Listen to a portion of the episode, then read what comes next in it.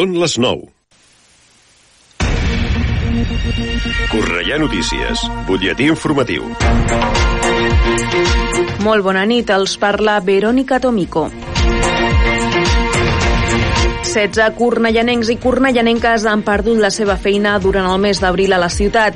Aquest lleu repunt de la desocupació local suposa 4.371 persones sense feina actualment al municipi.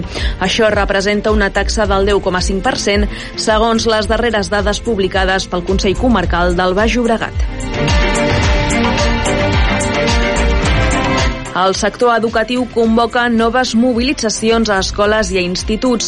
Els dies 25 de maig i 9 de juny hi haurà vaga i els dies 17 de maig i 2 de juny es preveuen naturades de dues hores entre les 8 i les 10 del matí. Tot plegat arriba pel desacord entre el sector educatiu i la conselleria. El govern ha aparcat la proposta d'avançar la reducció d'una hora lectiva als mestres i professors i ha decidit presentar la previsió de professorat de cara al curs vinent, comptant que s'avançarà el calendari escolar escolar. El punt de voluntariat i solidaritat de l'Ajuntament organitza demà la mostra Posa-li cara al voluntariat, un espai de trobada per a una quinzena d'entitats i d'ONGs que treballen al municipi amb l'objectiu de donar a conèixer la seva tasca, posar en valor la feina del voluntariat i demanar la implicació de més persones en els seus projectes. També s'hi donaran a conèixer els serveis municipals del punt de voluntariat i l'assessoria de mobilitat internacional. Tot plegat serà a la plaça de Lluís Companys a partir de les 5 de la tarda. I l'Associació Espanyola contra el Càncer de Cornellà organitza aquest diumenge la sisena edició de la passejada contra el càncer. La cita comença a les 10 del matí a l'estadi municipal d'atletisme Pilapons. El preu de l'activitat és de 6 euros i inclou samarreta, assegurança, beguda i entrepà. Fins aquí aquest butlletí informatiu. Poden seguir informats de l'actualitat de la nostra ciutat al Cornellà Notícies de la una del migdia, als butlletins horaris i a l'app i la web de Ràdio Cornellà. També trobaran les darreres actualitzacions i notícies al radiocornellà.cat i a les xarxes socials de la ràdio, Twitter, Facebook i Instagram. Ara el temps. Connectem amb l'Agència Estatal de Meteorologia. Bona nit. Demà divendres a Catalunya cel ennuvolat amb precipitacions febles i ocasionals al vessant nord del Pirineu i a la resta cel poc ennuvolat o clar amb nuvolositat d'evolució diurna, sobretot a la meitat oriental. Temperatures sense canvis significatius amb valors de fins a 26 graus a Tarragona, 25 a Lleida i Girona i 23 a Barcelona. A més, també a l'Empordà, Pirineu i sud de Tarragona, vent del nord i nord-oest moderat, amb cops forts o molt forts a cotes altes del Pirineu i extrem nord de l'Empordà. A la resta, ben variable fluix. És una informació de l'Agència Estatal de Meteorologia. L'informació de Cornellà. Més a prop, impossible.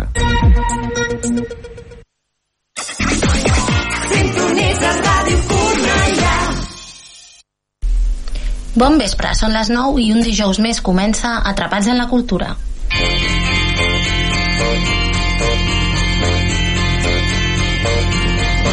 They say we're young and we don't know. Won't find out until we grow. Per en Bill Murray, tots els dies era la mateixa cançoneta. Estava atrapat en el temps. Per nosaltres, tots els dies també són iguals. En Bill el salvava l'Andy McDowell. I a nosaltres, qui ens salvarà? La cultura, els llibres, el cinema, les sèries, l'art, l'oci, la gastronomia. Feu-nos cas i sentiu-vos atrapats amb la cultura. Amb la Cristina Guarro i el seu equip. I guess that's so we don't have a plot, but at least I'm sure of all the things we got. Babe, I got you, babe. I got you, babe. I got flowers. Benvolguts oients, ja tornem a ser aquí una setmana més. Estem enfilant ja al final de temporada. Entrem al mes de maig, avui 5 de maig, que ho tinc super anotat per no equivocar-me i no haver d'estar rumiant i quedar que hi hagi aquests silencis a la ràdio que tampoc agraden a molts. A mi no em desagraden, ja us aviso. Bé, nosaltres començarem, com ja sabeu, com sempre fem, amb l'agenda cultural de casa nostra. Endavant, sintonia. El Centre Cívic de Sant Ildefons demana participació ciutadana per pintar la seva façana de manera comunitària. Serà aquest dissabte, 7 de maig, a partir de les 11 del matí. Durant aquest matí hi haurà tallers de pintura i de perruqueria creativa, a més de servei de bar i actuacions musicals. I si entreu al que fer a cornellà.cat trobareu tota la informació més detalladament. Dissabte, 7 de maig, a les 8 del vespre, a l'Auditori de Cornellà, tributa de Beatles amb The Flaming Shakers.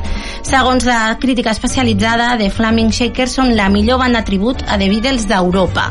Músics extraordinaris que van ser nomenats banda revelació a la International Beatles Week Liverpool 2015 i seleccionats novament per a l'edició del 2017.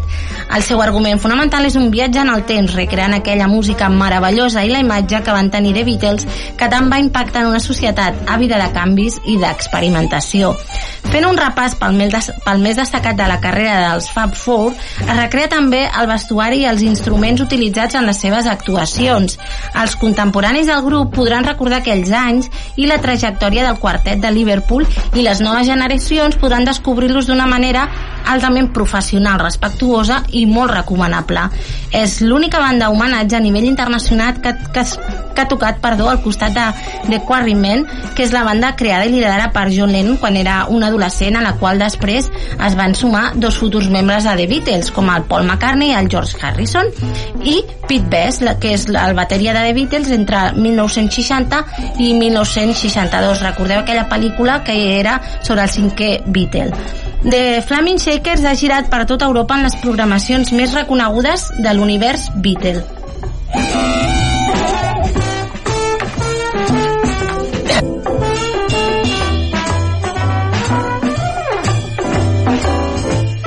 he tingut una, un atac de tos i no m'ha durat temps a, a treure el, el so del, de l'estudi. Continuem. Diumenge 3 de ma eh, 3 no, 8 de maig a les 12 del migdia a la sala Ramon Romagosa, Le Voyage. La companyia Jam tanca, tanca la temporada gener-maig d'enguany del Cultura en Família amb un espectacle que reflexiona sobre les migracions a través de la vida quotidiana d'un pallasso que viatja arreu del món. Le Voyage explica la quotidianitat d'un clown des del punt de vista de la seva relació amb la família, la feina o el lleure. En concret, l'obra narra una vida estàndard que qualsevol ésser humà pot viure arreu, però de cop i volta esclata el conflicte, sense saber per què per què hi ha qui es baralla, hi ha qui mor i hi ha qui ha de fugir. Un espectacle gestual, poètic i sensible que ens fa reflexionar sobre el fet migratori. Es tracta d'una activitat recomanada per infants majors de 3 anys.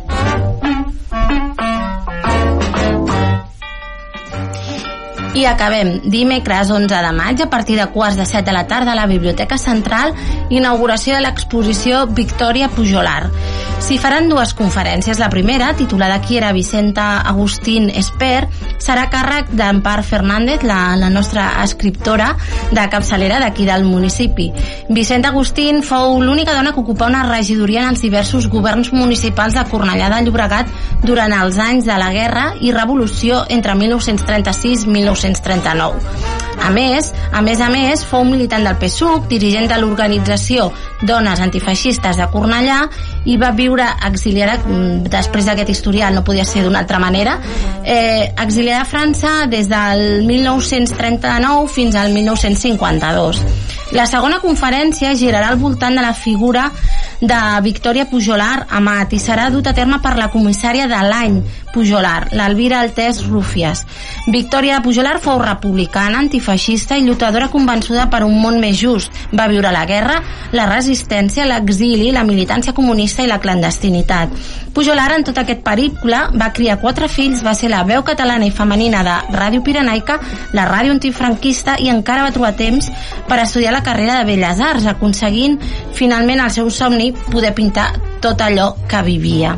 Finalment s'interpretarà una peça teatral titulada Victòria Pujolar i Teresa Pàmies a la ràdio, càrrec d'Araceli Bruc i Pepa Baranós. Aquesta obra està inspirada en el relat que Pujolar explica a Teresa Pàmies en la seva, sobre la seva experiència a Ràdio Pirenaica, a través d'una entrevista epistolar que Pàmies va incloure al seu llibre sobre l'emissora que es va publicar el 2007.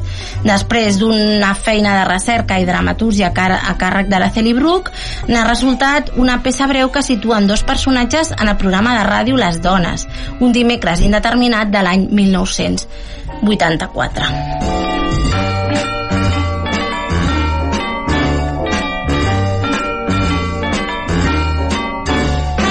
I l'exposició sobre Pujolar, que em descuidava, la podreu veure durant tot el mes de, de maig a la Biblioteca Central. I ara sí, tanquem aquest bloc inicial del programa i continuem parlant de cultura.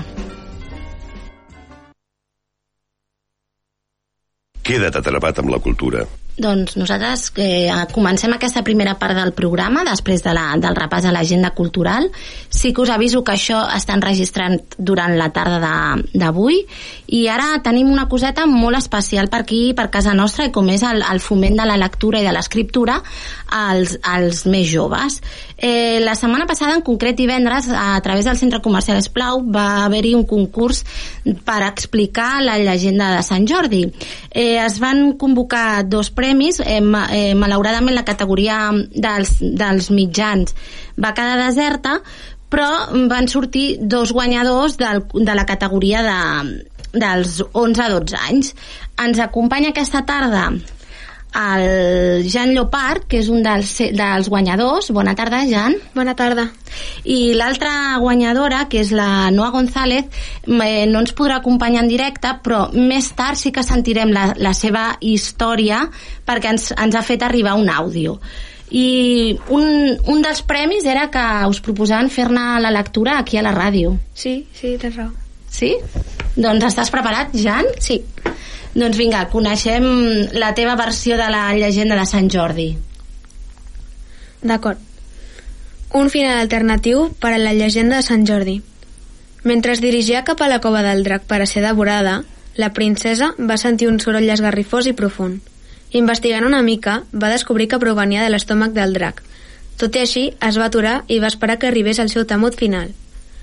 El drac es va acostar a ella capcot i al mirar-la va sospirar.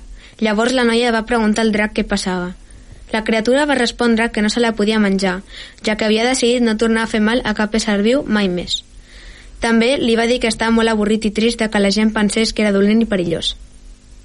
Mentre el drac i la princesa xerraven animadament al bosc de Cornellà, va aparèixer Sant Jordi, un cavaller disposat a travessar el monstre amb la seva llança. La princesa es va interposar entre ells dos i va repetir al cavaller el que el drac li havia explicat a ella. Sant Jordi va decidir perdonar la vida de l'afamat drac i va convidar-los al nou centre comercial de la ciutat, l'Esplau, on van gaudir d'un dinar ben especial i d'una pel·lícula al cinema. Realment va ser una tarda molt estranya que tots tres recordaran sempre. Fi. Molt bonic, Jan. Gràcies. Qui, quin és l'origen d'aquest final alternatiu? Doncs estava pensant que seria millor per a la llegenda pues, que el drac no morís i que la princesa no tingués la necessitat de ser salvada. Perquè... per algun motiu en concret o...? Bueno, eh, em sembla que no hi ha cap motiu en concret, però jo crec que, bueno, que les dones no necessiten ser salvades per cap cavaller, perquè es, normalment es poden valdre per elles soles. Molt bé, és, és, és una bona lectura, ens agrada. Eh, què més? Mm, entenem que el drac és, no? és una bona persona. Sí, bueno, a la meva història sí és una bona sí, persona. Sí, clar, sí, sí, estem parlant del final alternatiu sí. que ens proposa el Jan Llopart. I això, està, estàs, la, la idea aquesta que dèiem, està inspirada en alguna cosa? No, no està inspirada en cap cosa, me la vaig inventar jo. No, no, bona, bona inventiva. Ens agraden aquestes, aquesta, aquest capgirar les històries tradicionals. A tu t'agrada llegir-la? Sí, sí, m'agrada molt, la veritat. M'agrada canviar el final de les històries perquè m'agradin més i siguin més fàcils de llegir. Però perquè en algun cas t'ha suposat alguna dificultat? No, no, no m'ha suposat cap dificultat, però per exemple, si, bueno, si he de parlar la llegenda de Sant Jordi, eh, no m'agrada massa que el drac acabi morint. Bueno, celebrem la vida, no? Sí.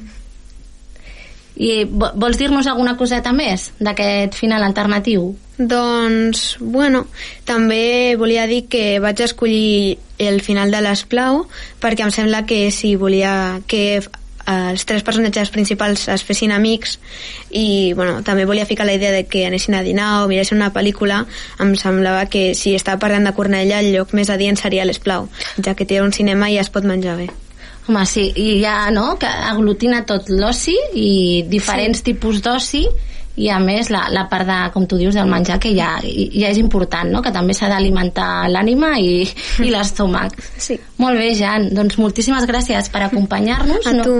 no sé si a partir d'aquest final alternatiu en sorgiran d'altres, jo espero que sí. Sí? Sí. Eh, tu has rumiat així una mica. Sí, Moltes gràcies. segur. No A n'estàs segur. vosaltres.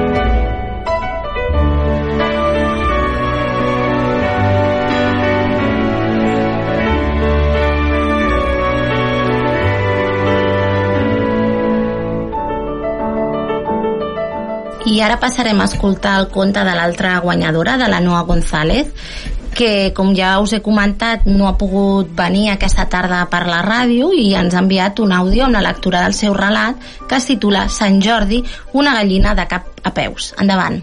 Sant Jordi, un gallina de cap a peus. Quan els ciutadans de Montblanc van fer el sorteig per veure a qui es menjaria el drac, tothom es va sorprendre amb l'escollida. Era la princesa, la filla del rei. En el moment que la princesa va sortir cap a la cova, tot el poble la va seguir. Quan va arribar, el drac va sortir i, de sobte, el cavaller, és a dir, Sant Jordi, va aparèixer amb el seu cavall.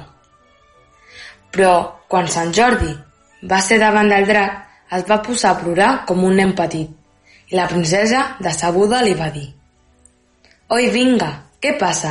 Que ets un ploramiques?» «No, però és que tinc hora al perruquer i no arribaré», va contestar. «És clar, i jo després m'aniré a dinar amb el drac», va dir la princesa amb to sarcàstic. De sobte, Sant Jordi es va anar cavalcant a tota pressa. Sembla que hauré de fer això jo sola, va dir. I en un instant, el drac va començar a treure foc pels queixals, però la princesa ho va esquivar. Tot el poble es va sorprendre i la princesa va dir «La veritat és que em subestimeu molt i no sabeu del que sóc capaç». Després d'una llarga batalla, la princesa va matar el drac amb la seva tiara i de la sang del drac va sortir una planta molt estranya, que no tenia flors, sinó llibres de tot tipus. I a partir d'aquell dia, tot el poble va ser feliç i es va aficionar a la lectura.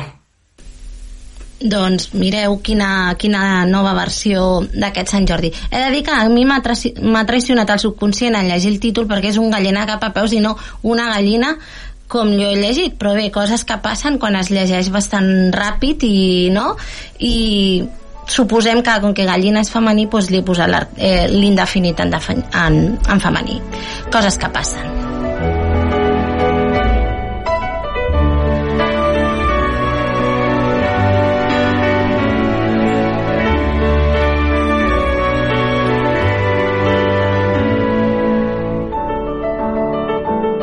Doncs ara he de fer una cosa que em passa bastant sovint, que és corregir-me a mi mateixa, perquè jo he dit que, que part del premi era la lectura del relat, dels relats guanyadors aquí, a la ràdio, i en concret al nostre programa Atrapats en la Cultura, però hi ha una segona part que farem l'entrega en aquest moment. I per fer-ho doncs, ens acompanya en Sergi Sánchez, que és el director de màrqueting del Centre Comercial de l'Esplau. Hola, bona tarda. Què tal, com estem? Molt bé. Sí, que eh, explica'ns quina és l'altra l'altra part del, del premi pel Jan. La part pel més Jan xula, la la part més xula d'aquesta idea i pel Jan és fer l'entrega del seu premi que el premi consisteix en tres llibres de, de l'EFNAC que ens han seleccionat ells mateixos que són tres llibres que segur que t'encantaran eh, quatre entrades pel cinema el cinema és full guai, de l'Esplau gràcies. Que tu mateix ja has esmentat al, al teu final alternatiu de, de la llegenda de Sant Jordi Sí. i quatre partides per la bolera perquè vagis amb la teva família, amb els teus amics, amb qui vulguis. Ai, moltes gràcies. Tot això és per tu. Veus, per fer de tot una mica, eh? El- A l'Esplau, el que, el que estàvem parlant abans, eh, Jan, que s'hi pot fer de tot. Sí, és veritat. A mi m'agrada molt, personalment, anar-hi, perquè m'ho passo molt bé. Molt bé. Doncs mira. Tots contents, no? Sí, mil gràcies. Gràcies a tu per participar. Ara sí que ja eh, tanquem la secció.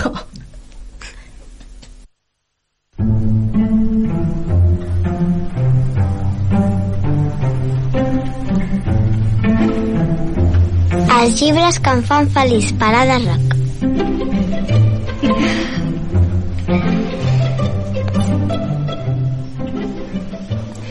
Bona nit i ben tornada de Roc, la nostra col·laboradora més jove. Bona nit. Que avui em sembla que ens parlaràs d'un llibre molt educatiu. Sí, avui us parlaré del sistema solar per nens. Ah, molt bé, o sigui, una explicació científica adreçada a nens. Sí. I de qui és aquest llibre? Eh, de Gra Ediciones i la seva revisió d'Isabel López. I què, de l'editorial? En saps el nom? Eh, sí. Suates Edición Susa, S.A. Susaeta, Susaeta. Ah. Susaeta. Recomanat per a nens i nenes a partir de 9 anys d'edat. Ah, bé, estem allà, allà, eh? Sí, i té 120 pàgines. I aquí, quins, quins són els nostres protagonistes d'aquesta setmana? Eh, els planetes del sistema solar junts amb els asteroides, els cometes i molt més. Uau. I on passa la història? Pensant que la pregunta ja es respon sola. On El passa? sistema solar. Al sistema. I que, que, que, que no sé, què s'hi explica? Eh, el conte ens explica com són les eclipses, els planetes, les festes de la lluna i moltes coses molt interessants. De veritat, el llibre s'encantarà. Sí? Sí. I la puntuació? Eh, 10. Ah, no sé, últimament portes unes, unes setmanes puntuant superalt, eh? No sé, no sé. Això és que tries molt bé les teves lectures, no? O les, algú les tria per tu. Sí? Sí, a vegades. Tu no tries del tot? No. Hi ha alguna cosa que ens vulguis confessar de rock? Eh, sí, la meva mama, sobretot. La mama tria les... Bé, però aquesta sembla ser que l'ha encertada, no? Perquè un 10 sobre 10... Sí. Molt bé, hi ha alguna cosa més que ens vulguis dir del sistema solar? Sí, a mi m'ha suggerit un animal, o millor dit, un extraterrestre. I apareixen també? Sí. O no? Sí? Eh, són els que expliquen el conte, més o menys. Uau, això queda molt misteriós, eh? Sí. Molt bé.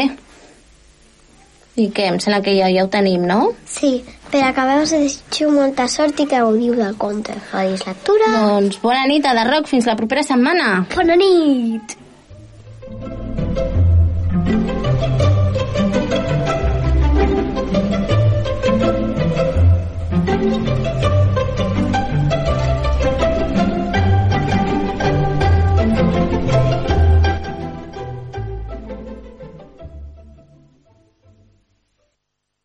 Estàs escoltant Atrapats amb la Cultura.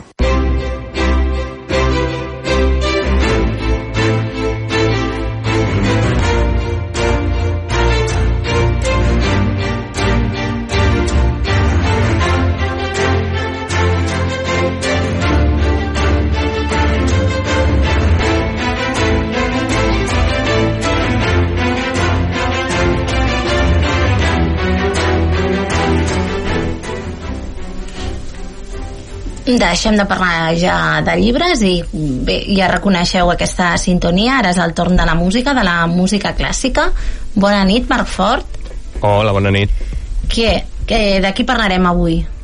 Doncs avui parlarem d'un autor francès d'una producció bastant escassa però a l'ho- alhora bastant coneguda es tracta de Georges Bizet Home, ja que només digui el nom ja la gran producció de Carmen és la que ve al, a, la, a la ment sí, sí, un francès explicant-nos com, com som els espanyols, no?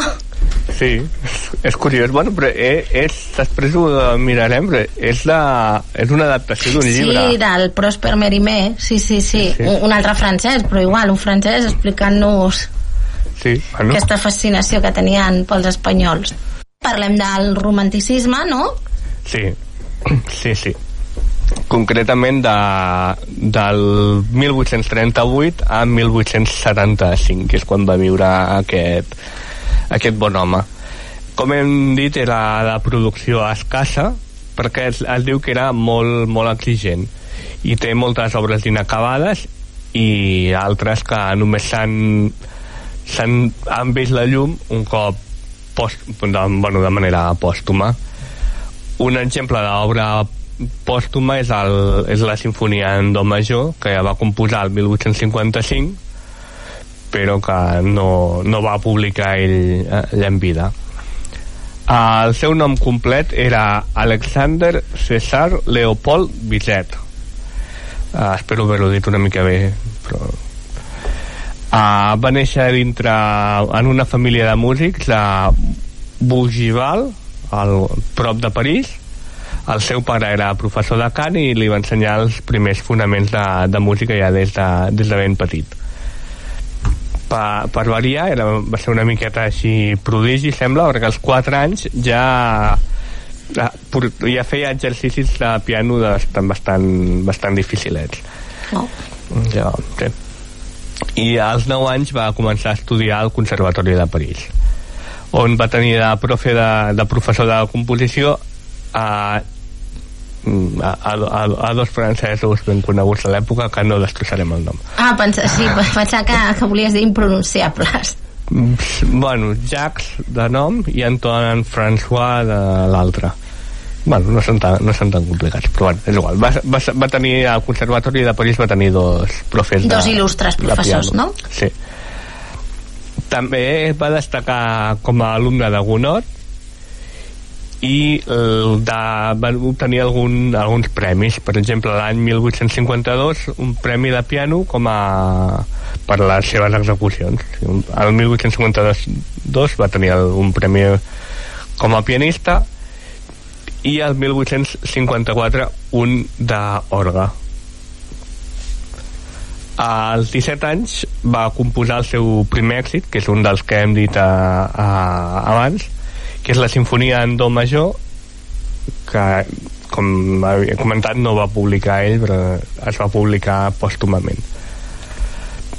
El 1857 va obtenir una beca per anar a Itàlia que li va permetre fer la, una formació allà de, de dos anys allà va, va trobar un, un bon ambient per cultivar les seves grans aficions artístiques i, i literàries així. o sigui, no només era aficionat a la música sinó també tot l'art en general li, li va agradar d'aquella època data la seva òpera Don Procopio mm.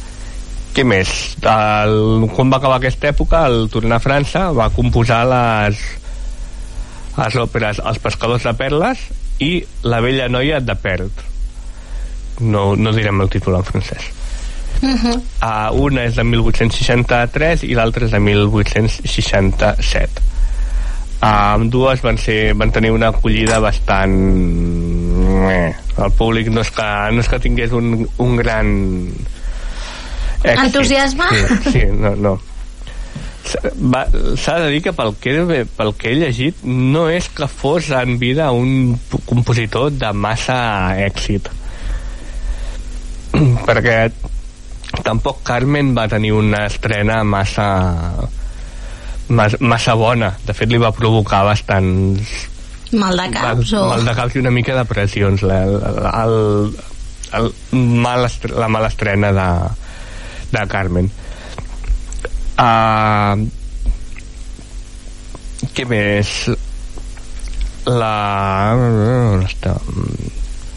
Dic que tampoc van tenir massa sort les seves dues, dues de les altres obres que han, compos, que han contribuït, ja no sé ni llegir, a la fama del, del compositor, com és la música d'escena del drama L'Artesiana, de 1872, una òpera d'Adolf Daudet. Ah no, Alfo Alfons Alfons Daudet. I sobretot bueno, la, tampoc va tenir la, com hem dit la Carmen una gran estrena. Uh, es diu que això aquesta controvertida estrena va ser la que va, això com comentàvem, coment, precipitar el, la, els problemes de salut i la mort de, de l'autor uh, per lesions i també oficialment uh, crec que va morir per causes naturals però Ho desconec, no, no ho sé. però bueno, també tenia molts problemes de gola, era fumador d'aquests dels que ara dirien de dos paquets al dia gairebé i o sigui, no va tenir mai una gran salut Això és molt, molt del romanticisme. sí, però bueno, hi havia autors que també Que al final tots o moren de tuberculosi o se suïciden. sí. Bueno, di- diu, diuen hi ha qui diu que Viseta es va suïcidar també. Però bueno la tesi oficial és morts naturals per per això, per, per, càncer, per càncer de gola. Uh -huh. Uh, passem a par parlem una mica de l'òpera de Carmen, que és considerada la seva obra més important i la culminació del seu desenvolupament artístic. Tot i que, com hem dit, no, l'èxit no va ser immediat uh, i Bizet va patir la, la seva acollida. Tinc sensació d'uns déjà vus que estic fent bastant importants. No sé si... Avui? Sí, no? Estic No, bé, ja ho hem comentat una mica, reprenem el fil. Uh, què més? Va ser composa amb un llibret, com hem comentat abans, de la novel·la de Prosper Mérimée. Mm. Ho, ho he dit bé? Sí.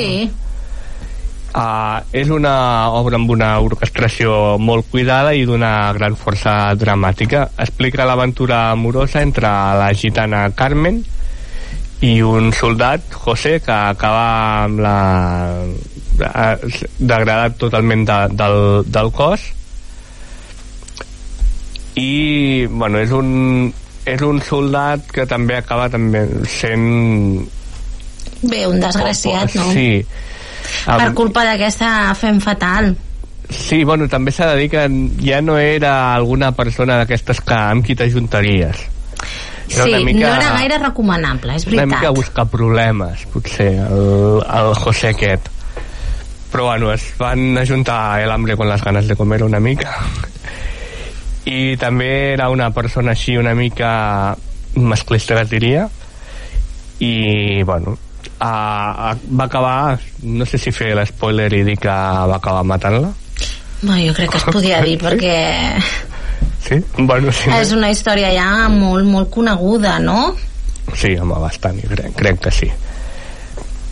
Uh, però bé, la música de Carmen també ha estat utilitzat per dansa i mm, com a punto friki meu de Fórmula 1 La teva aportació del món motor. sí, és que normalment una de les parts de Carmen surt en el podi de les curses de la Fórmula 1 Això es posa... De debò? Sí, Què dius? No ho sabia. sí, sí, sí. M'has deixat, vamos, patidifusa.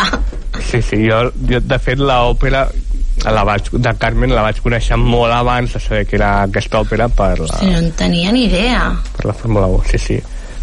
És, un de, de, és una de les parts que, que després escoltarem. Molt bé, molt bé. La, la, la sona. Sí, ja, ja he posat el meu apunte motor. Val. Bueno, això és la punt, és la punt cultural pel món del motor, no? Sí, però també també està bé, hi haurà qui li agradi el motor i això, doncs ja té, ja té la seva dosi. Molt bé. Uh, què més? L'obra es va estrenar el 3 de març de 1875 a l'Òpera Còmica de París, com hem dit, amb un fracàs estrepitós. Uh, L'estrena els va el 3 de març, ja ho he dit, tinc el text, m'he duplicat el text. Ai, Això, ai, ah, vale, ai. no, és que aquí, aquí tinc la, la, la, el, el càsting protagonista. A Celestine Galimarí com a Carmen, Paul Leri de Don José, Madame Margarita Chapuy de Micaela i ho deixarem amb el Jacques Boa i Escamillo perquè estic destrossant els noms francesos d'una manera brutal. No, no, no seré jo qui, qui et digui res, perquè crec que també es destrossaria. Uh, què més? Bueno, dir que Bizet va morir la, la nit de la presentació número 30 i també poc abans havia descrit la major part de, de manuscrits seus que en un moment havia pensat si entregar un editor o no doncs no no ho va fer no, no ho va fer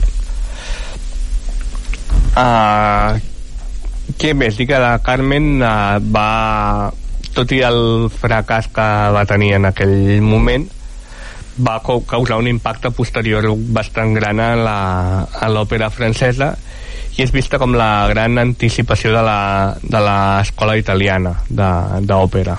Uh, aquí seguim aquí uh, a, a, a l'estat espanyol es va estrenar al Teatre Líric de Barcelona el 2 d'agost de 1881 amb l'actuació de la mateixa Celestina Galí-Marí en el paper de, de Carmen sí, sí.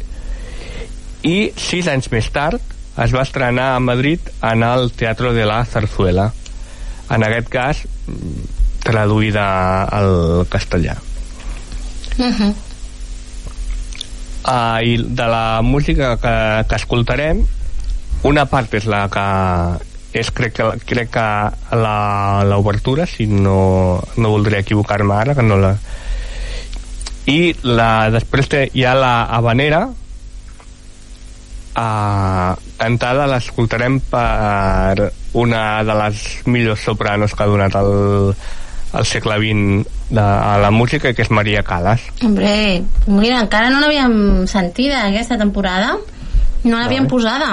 No, per això he, he, he, he pensat, eh, he trobat la, la, he estat mirant quina versió posava i he vist aquesta que és de cantada en directe a Hamburg el 1962 amb, a més amb la filarmònica i dirigida per, per Von Karajan. Hombre i ha sigut com aquesta.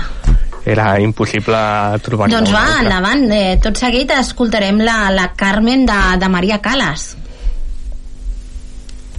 L'oiseau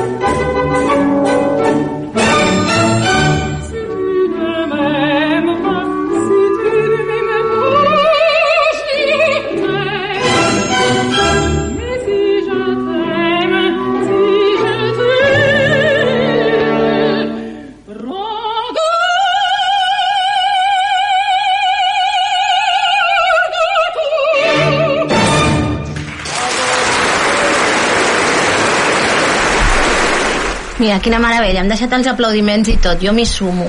Doncs nosaltres avui fem programa eh, més curtet del que, del que fem habitualment, perquè ens ha fallat l'entrevista d'aquesta setmana.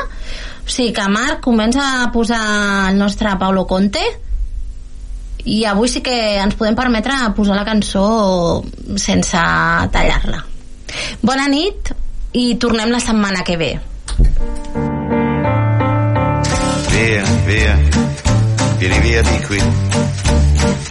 Niente più ti lega a questi luoghi, neanche questi fiori azzurri. Via, via, neanche questo tempo grigio, pieno di musica e di uomini che ti sono piaciuti.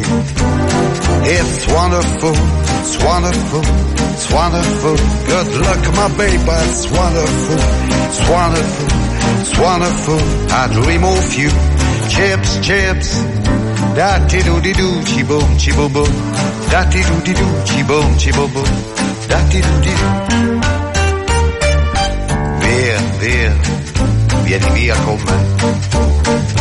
Entra in questo amore buio, non perderti per niente al mondo.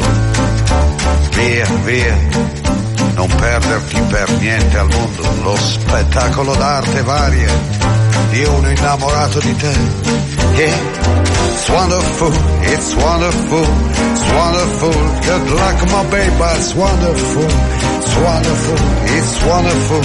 I dream of you, chips, chips, chips. Da di do di do, chi boom, chi boom boom. Da di do di do, chi boom, chi boom boom. Da di do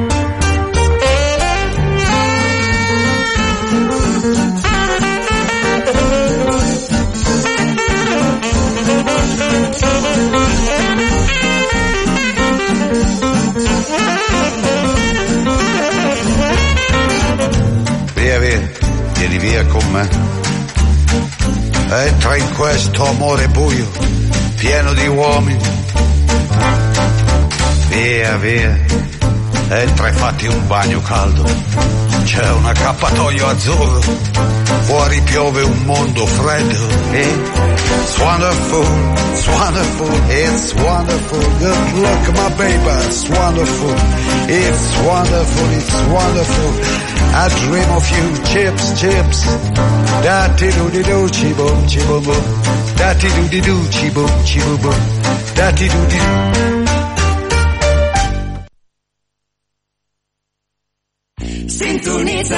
Cornellà. T'agrada aquest programa? Descarrega't ja l'aplicació gratuïta Ràdio Cornellà per iPhone i Android. El podràs escoltar, compartir i descarregar. Ara, ho tens més fàcil que mai. Gaudeix de Ràdio Cornellà quan vulguis al teu mòbil. Si te llaman por teléfono o a la puerta, si te paran por la calle, siempre que te pregunten qué emisora escuchas, tú lo tienes claro. Tu respuesta es Radio Curnallá, por supuesto. Radio Curnallá, siempre a tu lado.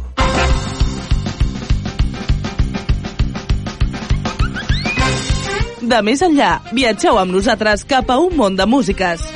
Connecta't amb De Més Enllà cada diumenge de 5 a 7 de la tarda a Ràdio Cornellà, amb Jordi Garcia.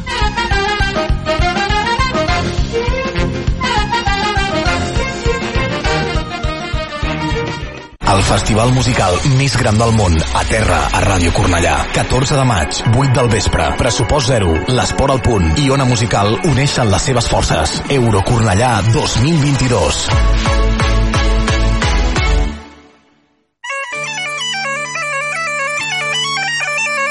Escoita sempre en Galicia. Todos los sábados, de 6 a 8, dos serán. Tots els dissabtes de 6 a 8 de la tarda, escolta sempre en Galícia. Informacións, novidades, música galega, entrevistas, colaboracións, participacións dos ointes, premios e moitas cousas máis. Con Armando Fernández, Laura Santos, Marc Ford e Xulio Couchil.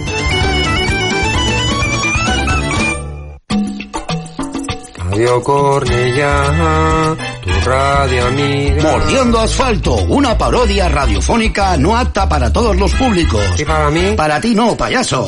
Tots els dimarts a partir de les 11 de la nit a Ràdio Cornellà. Mordiendo asfalto, tu programa de radio para ayudar a las personas que lo necesitan.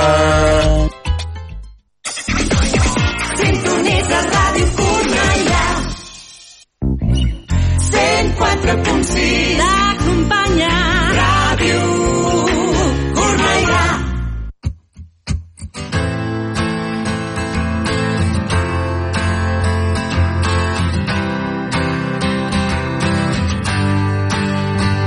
You cut out a piece of me and now I bleed internally left it without you,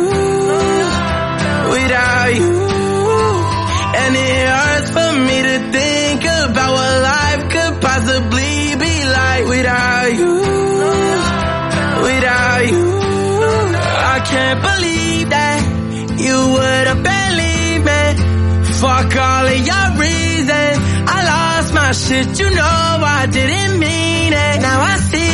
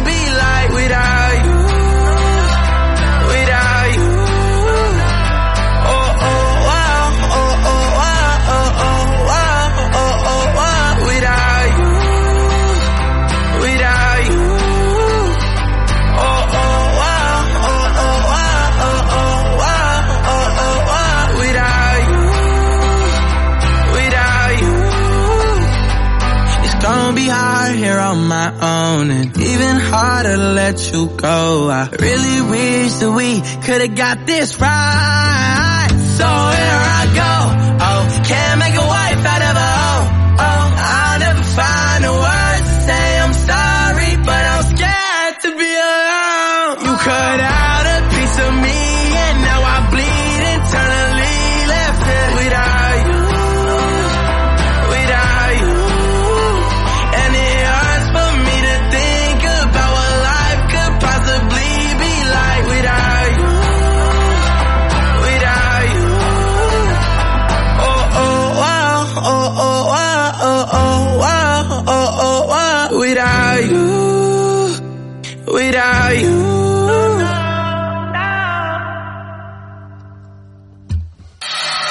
Estiguis on estiguis.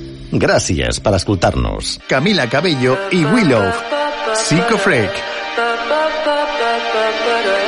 Feeling like a psycho freak, freak, freak. Feeling like a psycho freak sometimes. Trying to get connected, no Wi-Fi. Tell me that you love me, are you lying? Give me lemonade, I give you limes. House in the hills is a house of cards. Blink and the fairy tale falls apart. Sorry, didn't mean to get so dark. Maybe I'm an alien, Earth is hard. Sometimes I don't trust the way I feel. On my Instagram talking about I'm healed. Worrying if still got sex appeal. Hoping that I don't drive off this hill. When we're making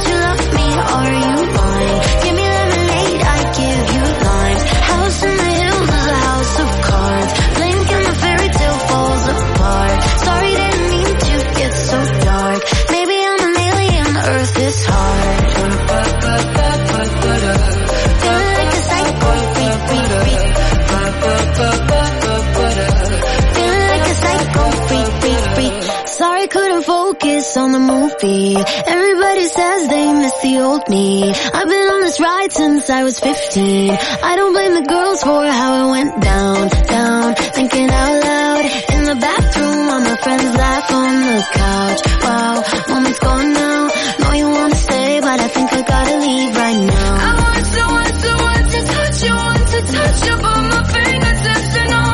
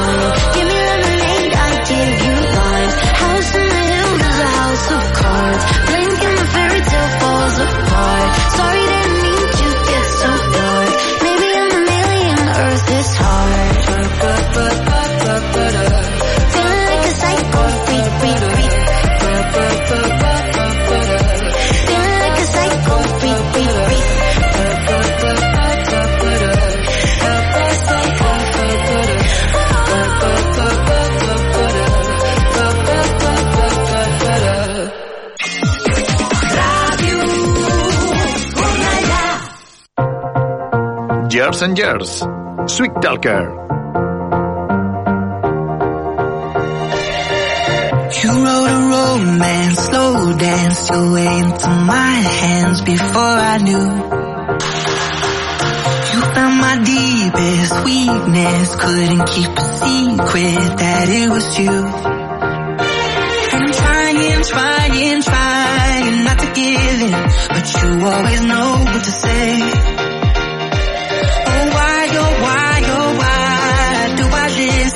To promises you're gonna break? You're such a sweet talker, You made me believe every lie was a beautiful sound. You're such a sweet talker, man of my dreams. Tell me where are you, where are you now?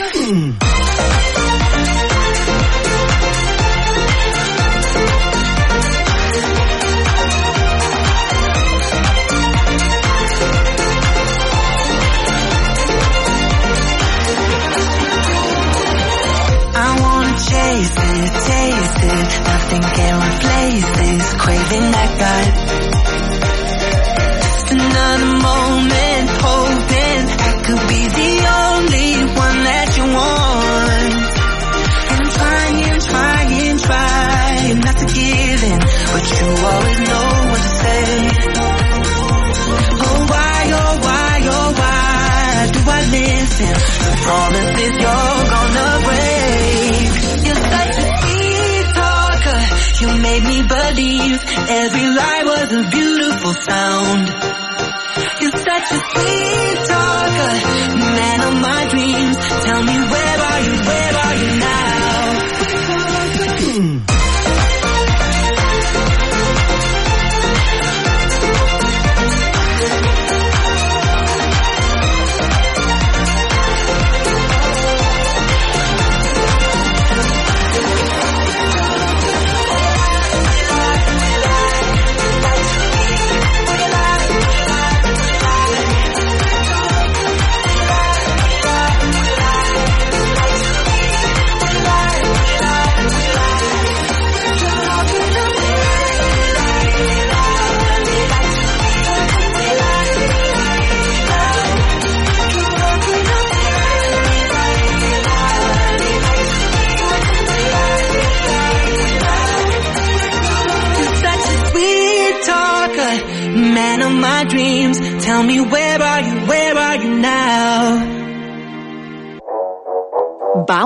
Twice. T'he esborrat. T'he esborrat.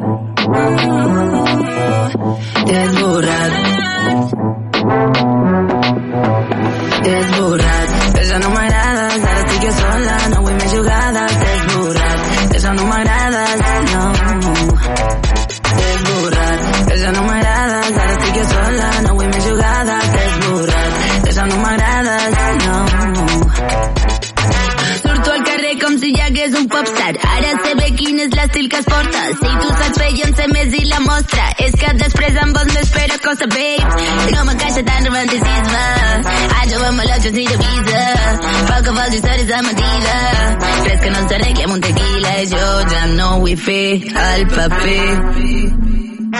Ara estic per mi, no perdo més el temps. Esborrat. Esborrat.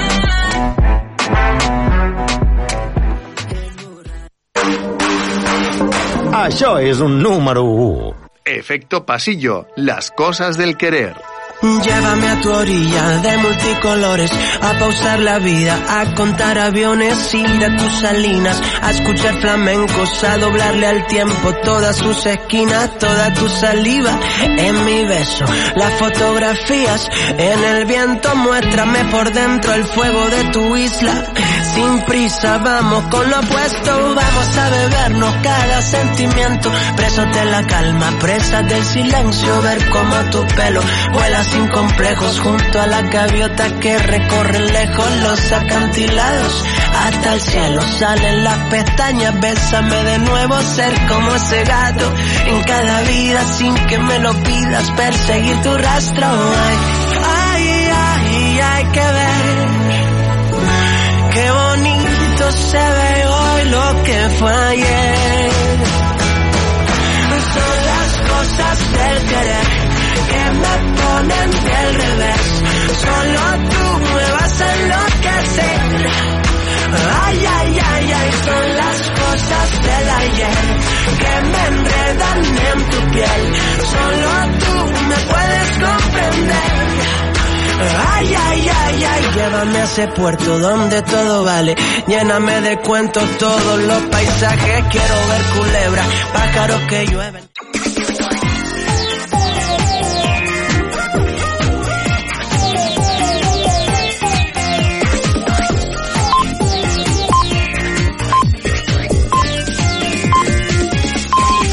Són les 10. Correia Notícies, butlletí informatiu. Molt bona nit, els parla Verònica Tomico. 16